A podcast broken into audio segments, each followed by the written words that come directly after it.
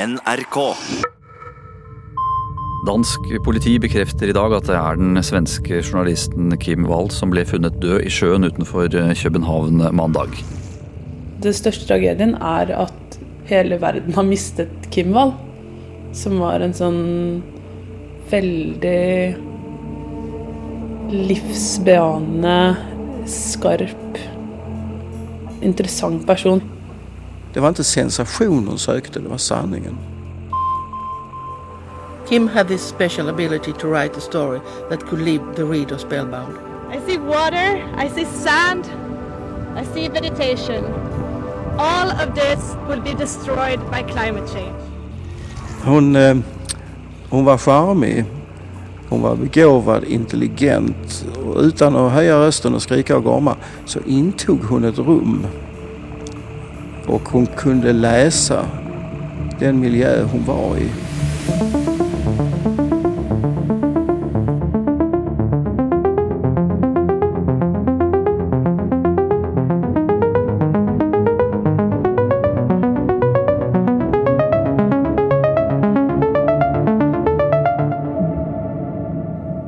I denne episoden syns jeg det er viktig å snakke om Kim Wall.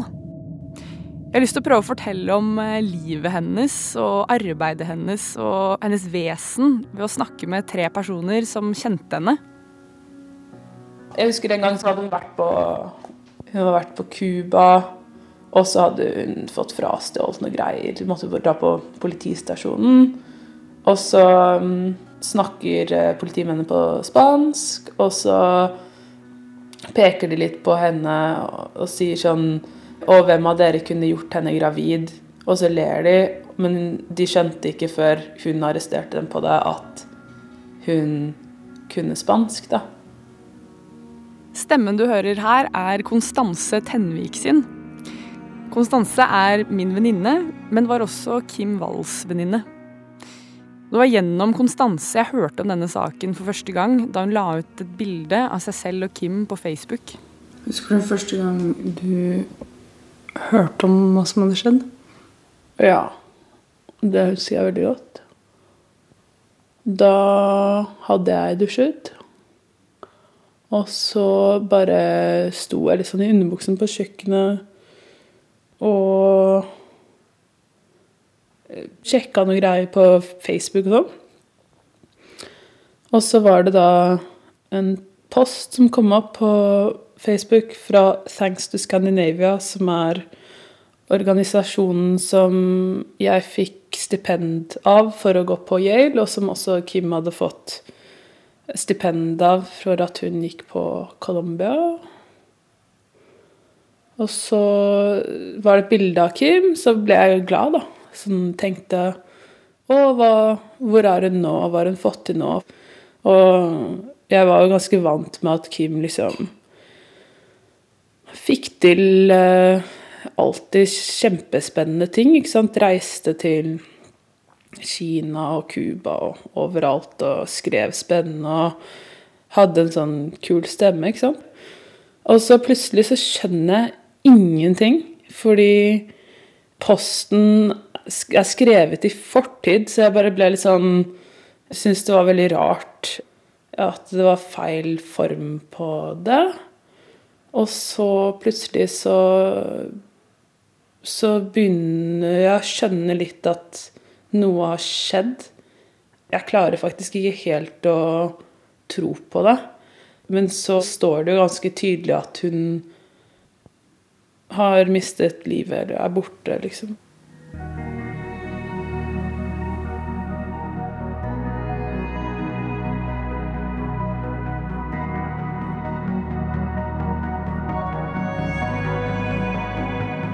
Jeg heter Emma Claire Gabrielsen og lager denne podkastserien sammen med krimreporter Sverre Holm Nilsen og krimkommentator Olav Rønneberg. Det har skjedd litt siden sist. Den 8. mars, på kvinnedagen, starta rettssaken mot danske Peter Madsen. Han er tiltalt for å ha drept og partert Kim Wall, en 30 år gammel svensk frilansjournalist. Utenfor København byrett var det fullt av rundt 100 pressefolk og reportere som løp rundt med utstrakt arm og mikrofon i hånda, desperat etter å få kommentarer fra de som gikk eh, ut og inn. Det var presse som hadde reist helt fra USA og Tyskland, England og Spania for å dekke denne begivenheten her. Den første rettsdagen gikk da med på å presentere saken mot Peter Madsen. Dvs. Si at aktor leste opp tiltalen, som det heter på norsk, og forklarte hvilke bevis han hadde tenkt å legge fram. Madsen selv fikk også begynt på sin forklaring. I rettssaka mot Peter Madsen i København har aktor lagt fram det han mener er bevis på at Kim Wall var i live da hun blødde i ubåten. Madsen er tiltalt for tortur, drap og partering natta mellom 10. og 11. august i fjor. Senere i podkasten får du høre mer om hva som skjedde i retten, og hvordan det føltes for Sverre og Olav å faktisk være der. Det er helt enormt mye fokus på Peter Madsen i media. Tidvis har mediedekningen handlet mest om han, egentlig. Jeg har reagert litt eh, på hvordan han da løftes fram. Um, jeg har noen eksempler fra noen norske aviser. Skal vi se om jeg finner det. Der, ja. Tre dager etter nyheten om at en av Kim Walls kroppsdeler er funnet i vannkanten, kommer VG pluss-saken 'Rakett-Madsens ville liv', om hvordan den kinky drapssiktede oppfinneren sitat, 'ikke lar seg begrense av snevre rammer' Enten det gjelder å dykke til havets bunn i hjemmelagde ubåter, skytes ut i verdensrommet i egen rakett, eller når det kommer til ekteskap. Du får liksom lese om denne en sånn sagnomsust levemann som bøyer jernplater og henger med kunstnere og utforsker seksualiteten sin med lesbiske damer. Jeg vet ikke, bare får en sånn ekkel følelse at vi driver og bygger han opp som en sånn vill machomann, liksom. Men hva med Kim Wall? Det er jo blitt skrevet en del minneord om henne i internasjonale publikasjoner. Og det finnes en minneside som heter 'Remembering Kim Wall', der folk har posta hyllester og anekdoter og masse bilder. Annet av at hun står og viser peace-tegn eller er på karaoke.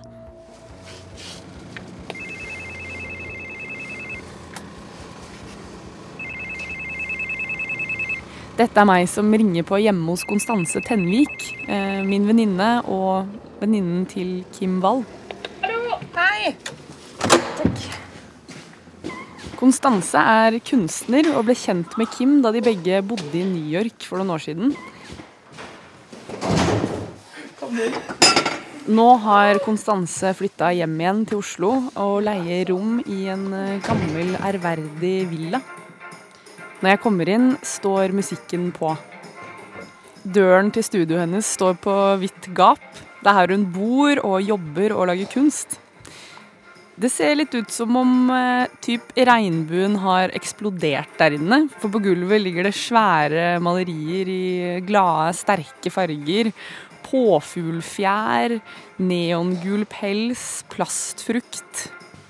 Må, må, må det med? Nei, det må ikke. Nei. Skal jeg ikke si noe om det? Nei. Det er jo et litt spesielt rom. Altså, er, jeg er her hele tiden. Men du kan si det kanskje noen med hvordan eh, man organiserer ting her, som kanskje ikke er helt vanlig ellers. Vi setter oss ned på to stoler midt i rommet, midt i en sånn ryddig liten øy i kaoset. Konstanse holder en rød pute tett inntil seg. Hun sier at hun har gruet seg til å snakke om det hele veien med dette Med denne saken her, så er det en sånn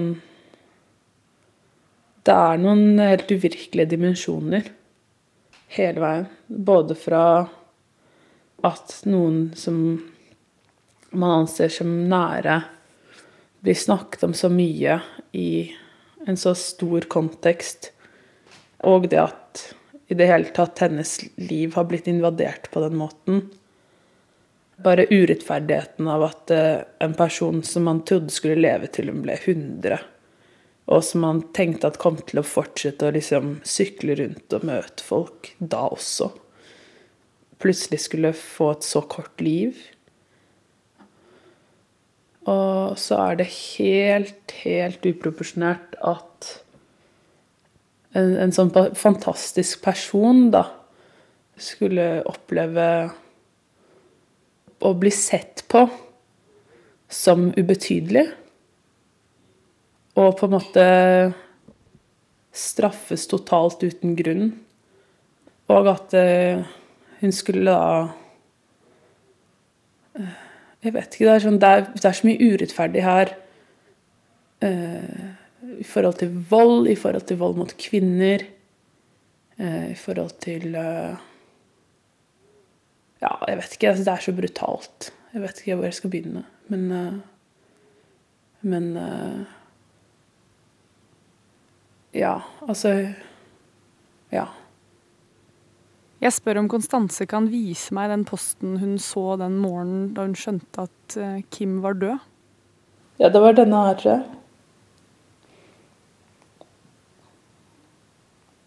Det står jo i fortiden med en gang.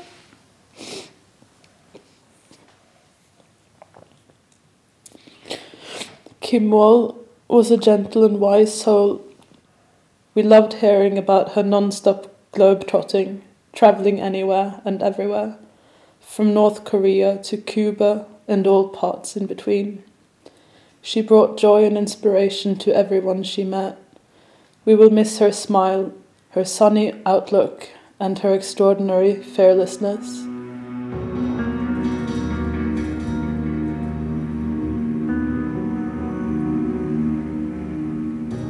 Jeg ber henne beskrive henne for meg også. Hvis du lukker øynene og ser henne for deg Da ser jeg eh, Da ser jeg et stort eh, smil med rød leppestift og en, noe sånn rødt hår som er til dels puttet opp i en sånn bønn. Og så ser jeg noen svære, oppspente øyne og noen veivede hender som forklarer meg et eller annet.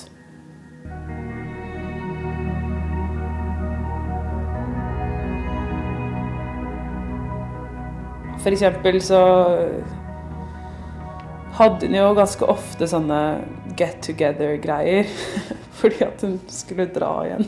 Sånn at hun Vi var på en sånn takterrassen hennes i New York en gang for en sånn avskjedsfest. Og det var ikke så sjelden hun hadde avskjedsfest da, siden hun ja, bestemte seg jo noen ganger for å dra til Kina i tre måneder eller sånne ting.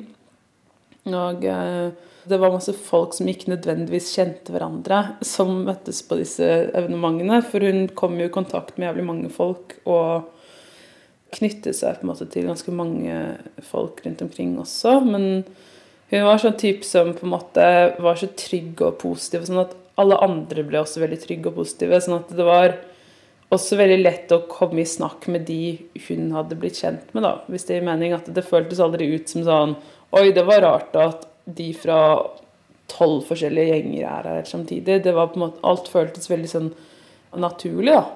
Siden hun på en måte hadde all den der gode energien. En gang vi snakket, så sa hun plutselig at hun hadde vært masse i Connecticut. Jeg skjønte ikke helt hva hun gjorde der. Men da hadde hun sett på kinesiske kasinoer. Det er masse folk som tok sånne busser ut fra New York til sånne rart sted i Connecticut for å spille kasino. Så fikk man spise gratis mat på kasinoen og, og mot, mot, at man spilte bort alle pengene sine. Ja, men det er sånn Det var jo alltid et eller annet sånn uventet rundt neste hjørne, alt jeg på å si.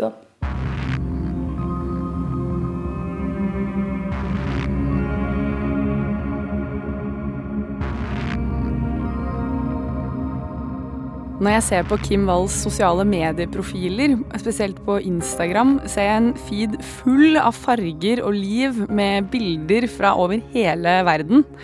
Det er bilder av ballongselgere i Beijing, danseforestillinger og papegøyekyssing på Cuba. Hun er i Kenya, Burma, på Sri Lanka. Hun ser på fyrverkeri på Long Island. Et bilde er til og med av en regnvåt dag i Nordmarka. Noe av det siste hun la ut på Instagram, var at hun kjørte forbi en geit på en biltur i Sogn og Fjordane. På det aller siste bildet hun legger ut, er hun hjemme i Sverige. På det som ser ut som en hytte eller et feriested like ved vannet.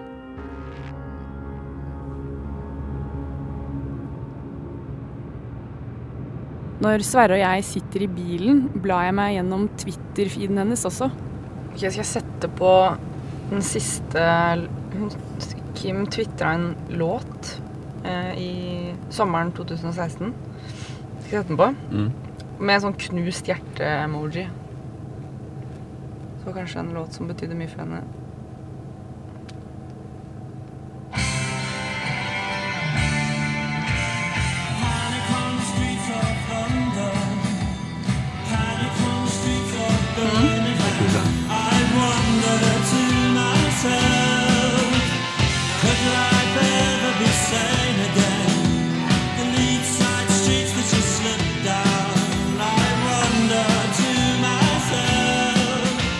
Senere skjønte jeg jo at Kim hadde postet Panic-låta dagen etter brexit, da britene stemte seg ut av EU. Hun hadde jo selv bodd i England da hun tok en bachelor i internasjonale studier ved London School of Economics. Når jeg scroller meg nedover feeden hennes, ser jeg at hun tvitret mye om feminisme, men også om pressefrihet. I 2014 postet hun en tweet om en australsk reporter som hadde blitt fengsla i Egypt. Da skrev Kim Wall Journalists are never supposed to become the story.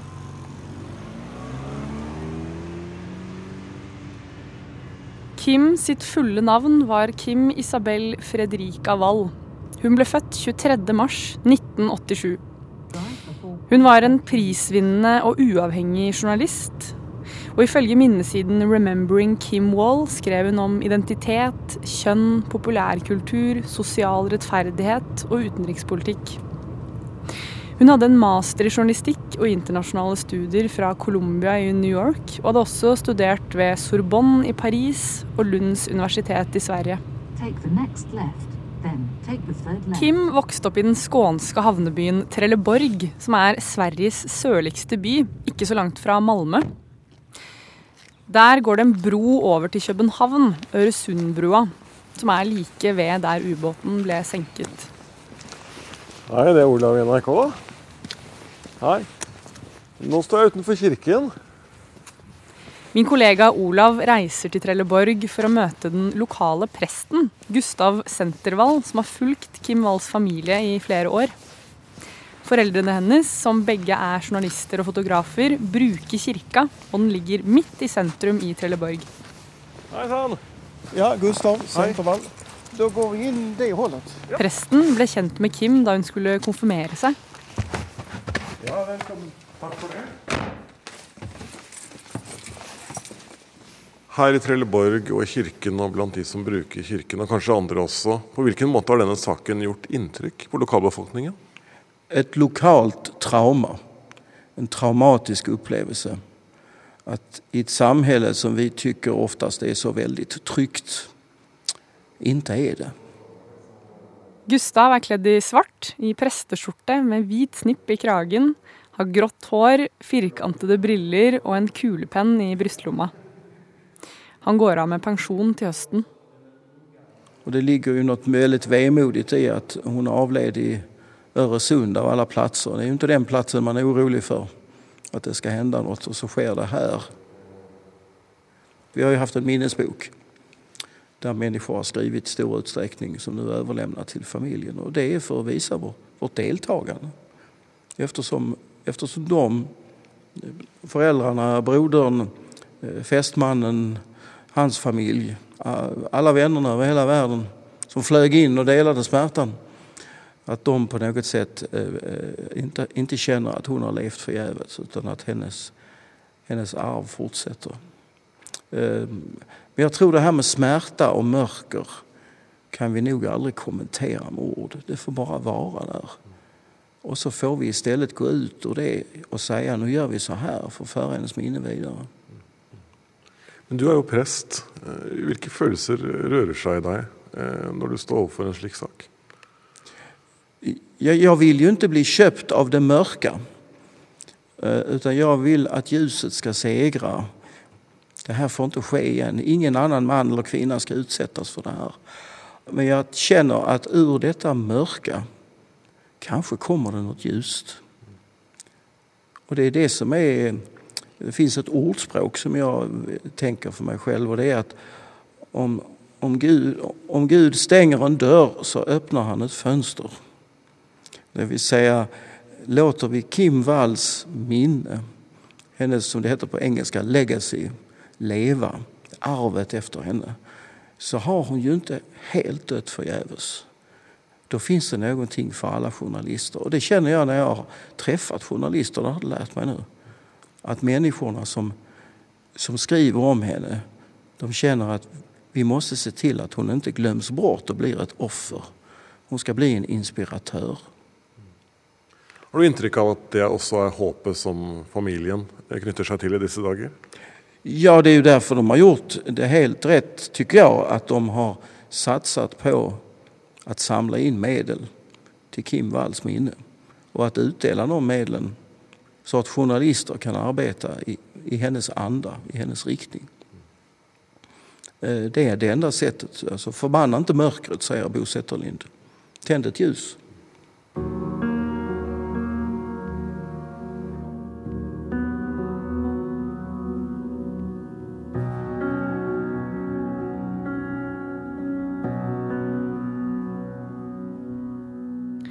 Den 8. mars startet altså rettssaken mot Peter Madsen. Kim Wall skulle skrive om den danske oppfinneren for magasinet Wired, og hadde prøvd å få en intervjuavtale med han siden mars, da han plutselig tok kontakt og inviterte henne om bord på ubåten Nautilus den 10. august, altså fem måneder senere. Politiet mener Peter Madsen hadde planlagt drapet, at han hadde tatt med seg verktøy om bord i ubåten til å gjennomføre handlingene. En times tid etter at Kim Wall gikk om bord i ubåten, sendte hun noen meldinger til kjæresten sin, for de hadde avtalt at hun bare skulle være borte et par timer.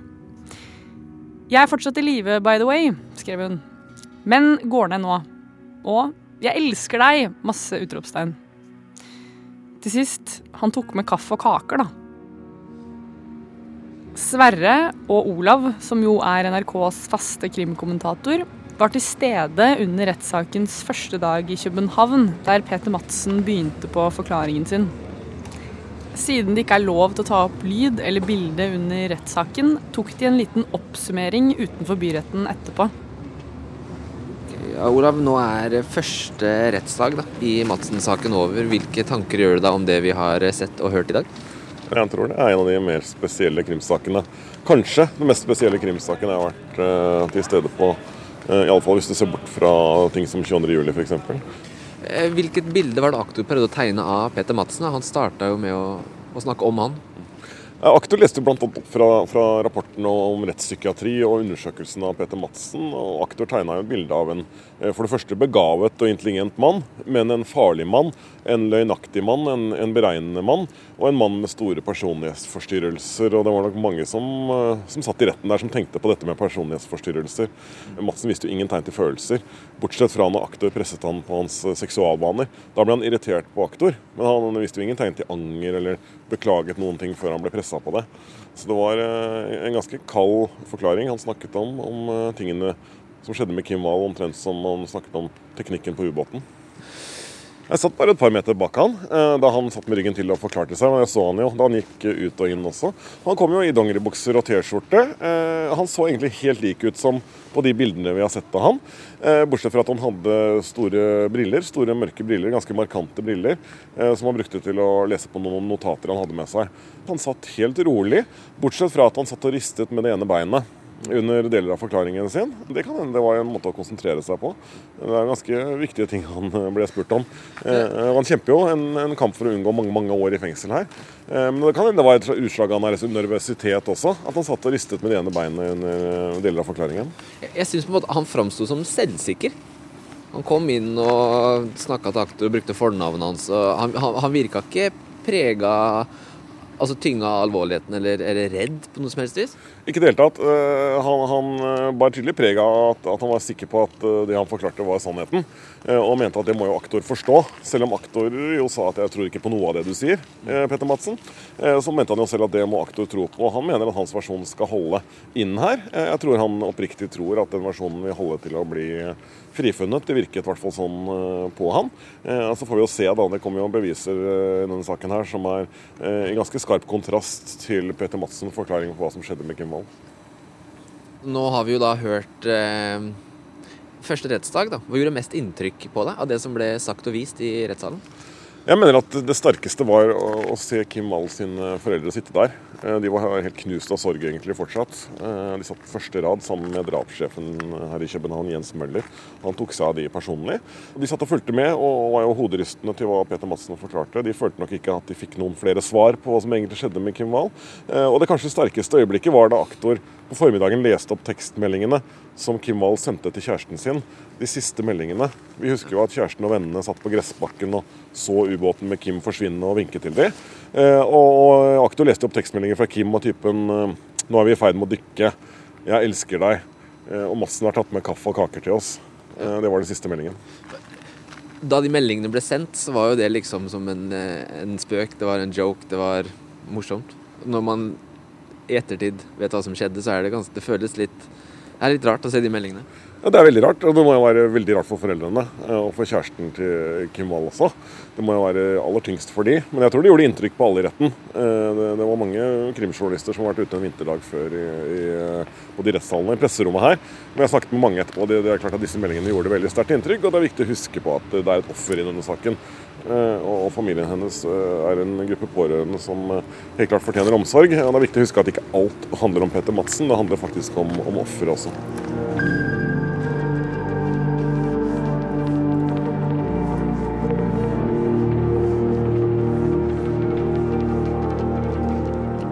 Du skal snart få møte flere som kjente Kim Wall, men det blir ikke familien hennes.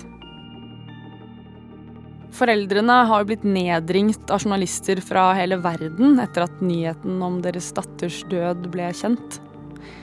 De sier til oss at de ikke har lyst til å uttale seg i denne podkasten, men har gitt oss tillatelse til å bruke lyden fra en video de har laget selv. Skal vi se, her er den. A message from Kim Wall's family. It was here, on the shores of the Baltic Sea, that Kim Wall grew up. Det er moren da, som snakker nå. Building tree houses, collecting pebbles on the beach and walking the family dog. But the big world attracted her. The many trips abroad the family made during her growing up years gave Kim an appetite and curiosity for human beings on other continents. Kim had a unique ability to see the human being, and she had a genuine interest to tell his or her story. She did it with great warmth and empathy. At the same time, she kept her journalistic integrity. Her er det et klipp av Kim som står eh, med et fotokamera i hånda og en, har løst hår eh, og en liksom baggy T-skjorte og solbriller på et eller annet sted på et varmt sted og skal vi se, viser sånn peace-tegn og smiler. Det er Kim som snakker nå.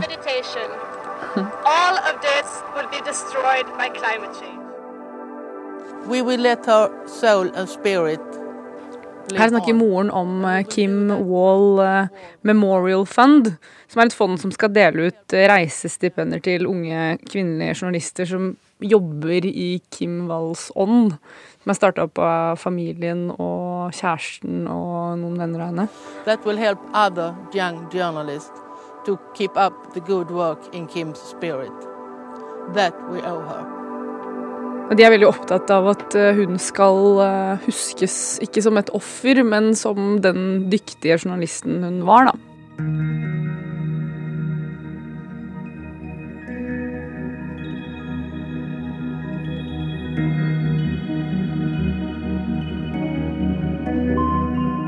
Reporter Simon Solheim forteller hva aktor har lagt fram i retten. Det aktor mener, er at hun skal ha blitt bundet fast og torturert og utsatt for umenneskelig seksualisert vold eh, om bord i ubåten. Ti kvinnelige journalister ble drept i fjor. Det er dobbelt så mange som året før. Tallene kommer fra den internasjonale journalistorganisasjonen Reportere uten grenser, som jobber for pressefrihet. De skriver at mange av de drepte kvinnene var erfarne og målbevisste undersøkende reportere. Jeg har avtalt å skype med en svensk journalist som kjente Kim Wall. Han heter Anders Melin. Hvor er det du sitter nå? Du er i New York? I New York. Ja. Jag och Kim träffades på en middag våren 2013 i New York. Vi hade båda fått stipendium från uh, The Foreign Press Association. Och Kim, som den superstjärnan hon var, hade ju såklart vunnit första pris. Och uh, vi började prata där som de två svenskarna. Och jag slogs direkt av hur genuin hon var och hur nyfiken och opretentiös. Hon var liten och eh, lit, liten, kort, rödhårig och med en enorm utstrålning. En väldigt, väldigt värme som eh, sken alltid som en liten sol när de kom in i, i, i, i rum. Anders skriver om finans og økonomi for nyhetsbyrået Bloomberg, mens Kim hun trivdes best ute i felten, som det heter. Hun skulle nå aldri, aldri ha et jobb der hun satt på et kontor og framfor en dator og eh, ringde folk på telefon. Utan hun, hun ville være ute, hun ville se, hun ville kjenne og ville treffe. Og eh, det er ikke alle journalister som har det drivet å være ute i feltet og uh, kaste seg inn i de miljøene som man, som man skriver om. Men hon hade det. Hon hade en väldigt, eh, väldigt en, en eh, kompis här i USA beskrev det som eh, wanderlust. Och, mm. Och det är ett bra ord att, att karaktärisera hur det, hennes inre drivkraft att, att hela tiden vara på språng, vara på väg någonstans och åka till the most far-flung places, man skulle säga på engelska. Dit, dit ingen annan riktigt skulle dra. Eh, dit åkte hon och Gud vet hur hon hittade sina stories och vem hon pratade med för att få sina idéer. Men hon hade alltid helt fantastiska uppslag. Kim Wall skrev saker om biohacking, fetisjmiljøer og voodoo på Haiti, og gjorde intervjuer med plus size pole-dansere, folk som identifiserer seg som vampyrer, og kinesiske feminister. Tenker du at uh, journalistikken, eller de temaene hun gikk for, og intervjuobjektene hun uh, lette etter i journalistikken hun lagde, speiler personligheten hennes? Ja, Hun tok opp allting som var udda, eh, allting som stod ut og allting som var som mange kanskje skulle bare stryke bort som konstigt eller, eller udda. Det elsket hon. Och eh, lite grann kanske för att hon, även hon gjorde sin egen grej. Hon gick sin egen väg och eh, tyckte om att hitta andra människor som också gick sin egen väg och skrev om dem. Som Peter Madsen f.eks. Tenker du at det, Var det overraskende at hun gikk for, eh, gikk for en story om han? For meg ikke överhuvudtaget Utan det er en tokig dansk uppfinnare. Det var fullt logisk at Kim Wall skulle skrive en story om en sånn menneske. Som sagt, jo, jo konstigere, jo bedre. Reporterens eh, tenkende er jo stendig hur är det här en story? Eller hur, how could this be a story? Och är den här personen någon som jag skulle kunna skriva om? Det, det märker jag själv efter att ha jobbat som journalist i fem år nu att det är ständigt, ständigt tänkande att hur skulle det här, hur knyter det här an till vad jag skulle kunna rapportera? Och eh, en man som Peder Madsen är ju givetvis intressant i många avseenden för att han gör sin egen grej och har varit framgångsrik i vissa avseenden. Och eh, på det sättet är det säkert många journalister där ute som ser den här situationen Kim går in i och tänker att det skulle lika gärna kunna ha varit jag. För att vilken story det skulle kunna ha varit. Och, eh, och, och sen då inse att, att man behöver inte vara i, i Irak eller i, i Jemen eller i, i Kina eller i Ryssland för att man ska riskera livet som journalist utan det, det kan även ske i, i Skandinavien. Det, det tror jag har skapat eko och även reflekterats då i, i mediebevakningen. Ja, det har, det har skrivits mycket och det är klart att nu är det, det är otrevligt när hemska detaljer kommer ut om vad som skedde på ubåten denna natten.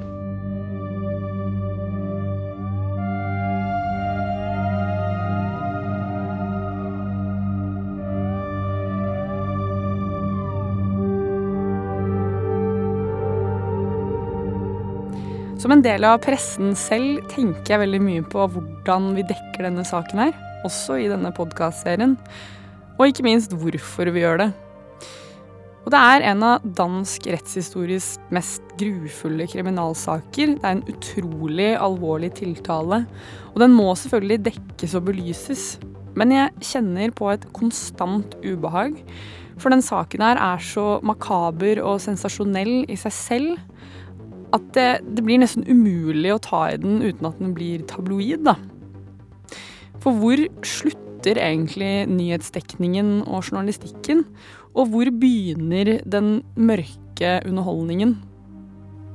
Dette snakker jeg også med Konstanse om. Ja, du kan si at jeg sikkert har lest ganske mange brutale saker i nyhetene uten å ha kjent dem. Og at det er jo rart hvor mye man, man leser og ikke helt da tar inn over seg. da. Og at, fordi at det blir en sånn narrativ ut av det, da, som, som på en måte høres litt sånn krimaktig ut. Jeg liker ikke at det kan virke underholdende. Det liker jeg faktisk ikke. Og jeg vet heller ikke hvor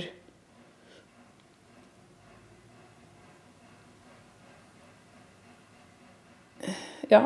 Jeg vet, jeg vet, ikke akkurat sånn mediedekning og sånn, hvor ofte og hvor mye og, og hvem, hvem, eh, som Og hvor raskt saker blir skrevet og sånn. Jeg vet ikke helt uh, hva jeg synes om det, egentlig. Mm. Hva syns du det er viktig at vi tenker på som lager denne podkasten? Um, nei, jeg er glad for at du gjør det, da. Fordi at um, jeg håper at du snakker med mange forskjellige folk, og at um, de som hører på, kan få et, et slags bilde av hvem Kim var. Og at det er en del overordnede temaer som kommer inn her. Både når det kommer til ja, vold mot kvinner, hvorfor det skal være annerledes å være kvinne enn mann i jobbsammenheng, f.eks. som journalist. Noen ganger så skulle man jo kanskje ønske at man, man kunne slippe å snakke som kvinne som kvinne. Og bare snakke om sånn Platon i stedet eller noe. Og bli skikkelig hørt. Um, men uh, det, er, det er viktig å snakke litt om å være kvinne òg. Noen ganger er det, som Konstanse sier, viktig å snakke litt om å være kvinne òg? Hun er jo fortsatt et forbilde, vil jeg si, da. At eh, At eh, Jeg håper jo at flere kvinner oppfører seg som hun, hun gjorde, egentlig. Sånn med skikkelig full av liv og pågangsmot, nysgjerrighet og reise rundt og ikke og være sånn uredd og og fet, liksom. Det, jeg håper at folk gjør, bare kjører på med den stilen hennes, egentlig. Og ja, det ikke var noe feil med at hun egentlig gikk ned i den båten. At, uh, at all skyld er på han fyren. Her må jeg bare minne om at Peter Madsen er ikke dømt. Han er drapstiltalt, men ikke dømt. Men hvis det politiet mener stemmer, at han har drept Kim Wall, Hvorfor gjorde han det? Hva var motivasjonen hans? Onsdag 21. mars fortsetter rettssaken mot Peter Madsen. Og da får du også en ny episode av denne podkasten.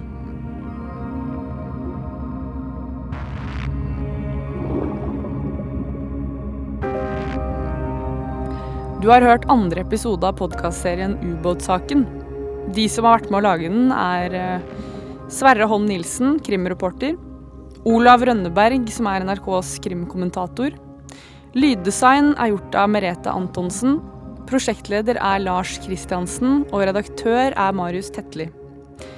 Denne stemmen er min Emma Claire Gabrielsen sin.